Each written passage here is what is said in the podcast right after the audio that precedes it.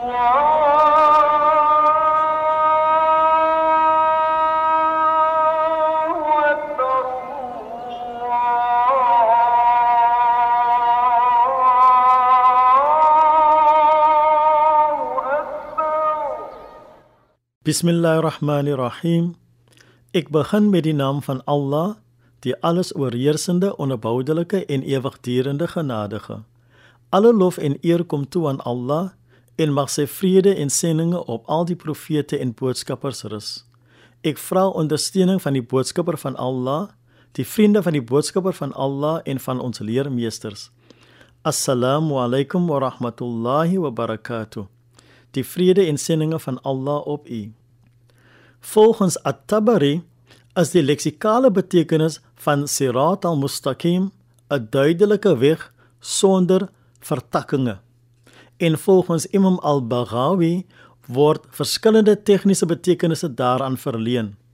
Onder andere Islam, die Koran, die boek van Allah, die pad na die paradys die pad van die mense van die lewenswyse van Nabi as ook die boodskapper van Allah sy huishouding en sy metgeselle die ahlul haq of die mense van die waarheid het die woord istiqama of opregtheid gedefinieer as die vermyding van alle afwykings van die norm en uiterse gedragspatrone om in die voetspore van die boodskappe van Allah te volg asook die opregtes die martelaars en die heiliges.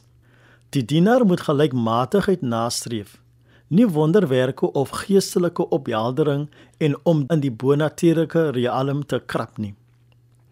Gelykmatigheid is die laaste trappie of die derde stap van die leer wat tot nabyheid aan Allah lei.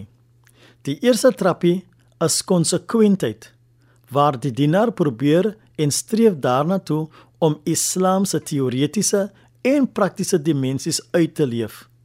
Sukses in hierdie aanhoudende strewe lei daartoe dat die persoon sy lae begeertes in bedwang bring. Die tweede trappie is kalmte en rustigheid waar die beginner sy of haar innerlike skoonmaak van al die ondeugde wat die gees en die hart besoedel soos pretensie, roem, ydelheid en enigiets wat nie met die knegskap vereenselwig kan word nie. Die derde trappie op die leer is eenvoudigheid, direktheid of ongekompliseerdheid. In Engels verwys ons na straightforwardness waar die goddelike gawes aan die dienaar geskenk word. Ibn Kathir het gesê dat indien iemand vra, waarom moet 'n gelowige vra verleiding in elke gebed? en ander tye indien hy alreeds gelei is? Die antwoord hierop is dat dit die feit is dat el die dienaar elke dag en nag verleiding moet vra. Sou Allah nie die dienaar beveel het om daarvoor te vra nie.